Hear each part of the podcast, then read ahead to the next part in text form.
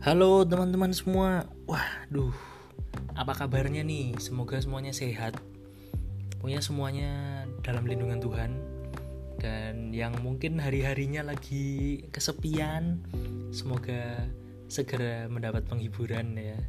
Terus yang mungkin sedang sakit, semoga cepat diberikan kesehatan kembali. Ada juga yang oh mungkin lagi UTS. Semoga ujiannya lancar. Mungkin ada yang udah ini ya udah pendadaran yang lagi seneng-seneng. Ya dinikmati aja hari-harinya ya. Oke ini udah lama banget aku nggak nyapa teman-teman. Lewat kisah yang tentunya teman-teman tunggu ya. Kisah peregrinasi nah kita lanjutkan nih ceritanya. Mungkin di tengah-tengah kesibukan teman-teman atau di tengah euforia kesenangannya udah lulus udah pendadaran udah wisuda dan sebagainya kita dengarkan kisah yang tentunya ini menarik gitu. Kisah yang mungkin akan membawa teman-teman menjadi merenung mungkin akan membuat teman-teman jadi ya pokoknya perasaannya main atau gimana lah. Intinya ini kisah yang tentunya menarik dan akan aku lanjutkan lagi.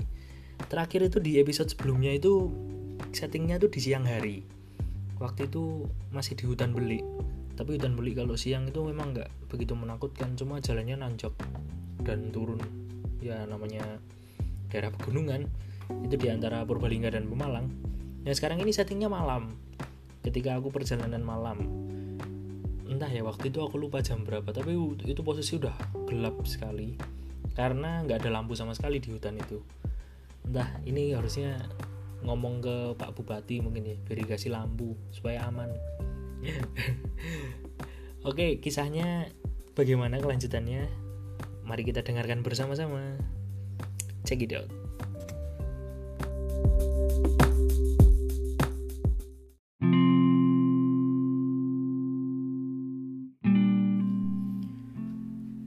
Oke teman-teman, kisahnya yang kali ini aku beri judul kesederhanaan yang menghangatkan. Aku baca rubriknya dulu ya.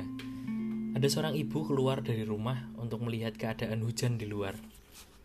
Kami memberanikan diri untuk menumpang makan di rumah itu, dan ternyata tidak hanya makanan yang kami dapat, melainkan juga asupan pelajaran hidup dari keluarga mereka. Jadi, hujan di belik malam itu menyeramkan sekali, teman-teman. Membuat kami itu harus hijrah ke salah satu rumah di daerah situ. Nah, ada sebuah rumah berwarna biru. Kami coba datangi kan, namun beberapa kali itu pintu itu kami ketuk tapi tidak ada yang merespon. Sepertinya upaya kami itu belum sesuai kehendak Tuhan. Maka aku mengusulkan untuk pindah ke rumah lain. Ya mungkin rumah yang berwarna biru itu nggak ada penghuninya ataupun lagi pergi ataupun sudah tidur malam itu karena awalnya emang dingin banget sih enak untuk tidur sambil apa namanya selimutan lalu ada sebuah rumah dengan dinding batu bata yang sama sekali nggak berlapis cat. Namun itu menarik perhatianku karena apa ya? Ya ini kayaknya ada peluang sih. Aku waktu itu lihat itu ada peluang untuk dapat makan nih di rumah ini. Karena itu posisi kami belum makan malam tapi udah kehujanan, dingin banget lagi. Dan akhirnya aku coba memberanikan diri untuk mendekat ke rumah itu yang batu bata itu dan eh tiba-tiba ada seorang ibu tuh keluar dari rumah itu. Terus aku langsung ngomong aja waktu itu permisi bu. Apakah kami boleh minta sedikit makanan? Waktu itu aku tanya gitu. Terus ibu itu dengan penuh keramahan itu menyuruh kami masuk. Nah malam itu kami makan mie rebus. Rasanya itu seger banget. Nah, kalau nyeruput kuahnya tuh itu wah rasanya itu seger banget apalagi dengan keadaan lapar ya. Terus tambah lagi dikasih kerupuk sama ibunya itu. Nah di rumah itu memang kami agak lama. Karena di luar sana tuh masih hujan lebat. Sedangkan perjalanan kami itu setelah itu adalah hujan apa? Hujan. Hutan yang cukup panjang. Jadi kami sengaja agak lama di situ untuk sekalian berteduh lah ya sambil cerita-cerita. Nah kami habiskan waktu untuk saling cerita dengan keluarga itu. Akhirnya kami tahu. Setelah cerita-cerita itu kami tanya-tanya, ternyata pemilik rumah itu bernama Pak Waryo. nah Pak Waryo itu memiliki dua orang anak nah udara di luar tuh memang dingin ya seperti apa yang tadi aku ceritakan namun di dalam rumah itu aku merasakan kehangatan kehangatannya bukan karena aku selimutan atau apa tapi kehangatan yang aku rasakan itu kehangatan dari suasana keluarga yang sederhana itu. Keharmonisan yang ditujukan malam itu tuh begitu menyentuh. Dan ditambah lagi bagaimana ketabahan mereka dalam menghadapi situasi hidup. Teman-teman kalau bayangin aja lah tahu kalau rumahnya itu batu bata nggak dicat lantainya tuh masih lantai yang ini semen biasa. Itu keluarga yang memang menurutku sangat sederhana sih. Ya kami juga kami juga nggak berharap lebih artinya makan pun sama mie kami juga seneng aja. Kami tahu situasi keluarganya juga. Dan anak mereka yang kedua tuh ternyata sakit amandel dan sebenarnya tuh butuh operasi. Maka aku tuh sebenarnya nggak enak sih. Karena mungkin kedatangan kami berdua tuh malah merepotkan gitu situasi keluarga mereka yang seperti itu eh malah kami datang cari makan gratisan lagi. Ya karena kami nggak bawa uang sama sekali. Kami kan nggak apa ya merasa nggak enak aja sih. Aku pribadi merasa nggak enak ketika mendengar cerita itu. Tapi di sisi lain ya memang apa namanya aku juga waktu itu kan aku ngerokok ngerokok yang ambil dari jalan. Jadi puntung-puntung yang ah yang masih agak panjang gitu yang orang buang di jalan terus kami nemu kami kumpulkan di plastik gitu. Terus kami ngerokok. Nah bapaknya itu malah miris loh lihat kami itu yang ngerokok udah sisa-sisa itu. Akhirnya bapak itu ngasih ngerokok juga ngasih rokok. Ya sebatang dua batang lah. Nggak nggak satu bungkus kami juga tahu sih. Terus tapi kami juga nggak enak sih mau nerima tapi ya udahlah ini mungkin supaya suasana lebih hangat aja nah aku merasa dari situasi yang kayak gitu itu Tuhan tuh selalu punya rencana yang indah terlebih bagi umatnya yang percaya kepadanya Tentu juga aku percaya Tuhan itu punya rencana yang indah untuk keluarga Pak Waryo itu juga.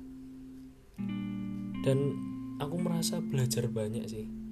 Mereka meneguhkan kami dengan realita hidup. Hidup yang benar-benar real mereka sendiri rasakan. Mereka tuh benar-benar dengar ceritanya tuh rasanya tuh hidupnya prihatin sekali. Namun apa ya? Rasa prihatin itu justru yang menjadi suatu perasaan yang berharga.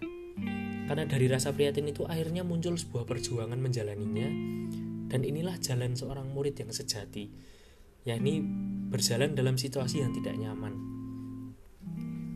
Aku sih merasa hidupku itu ya semuanya tuh tersedia itu loh. Artinya effortnya tuh effortless.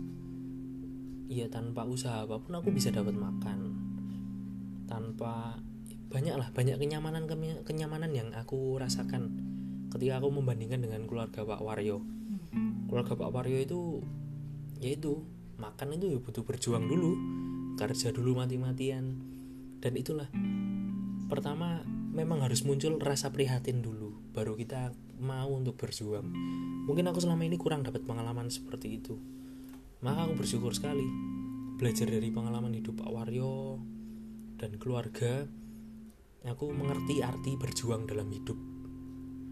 Karena di sinilah seorang murid Yesus itu juga ya harus berjuang, mau nggak mau harus memanggul salib. Ya artinya salib itu ya prihatin itu.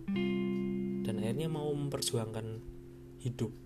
Kalau enggak, hidupnya hanya akan berjalan begitu saja, let it flow, tanpa ada perjuangan apa pun, nanti nggak akan dapat makna sih. Memang hidup akan berjalan tetap berjalan. Tapi makna hidup itu nggak akan bisa diambil ketika kita nggak merasakan perjuangan dulu. Menurutku gitu. Dan aku belajar dari Pak Waryo. Aku tidak bisa memberikan apa-apa waktu itu untuk keluarga Pak Waryo.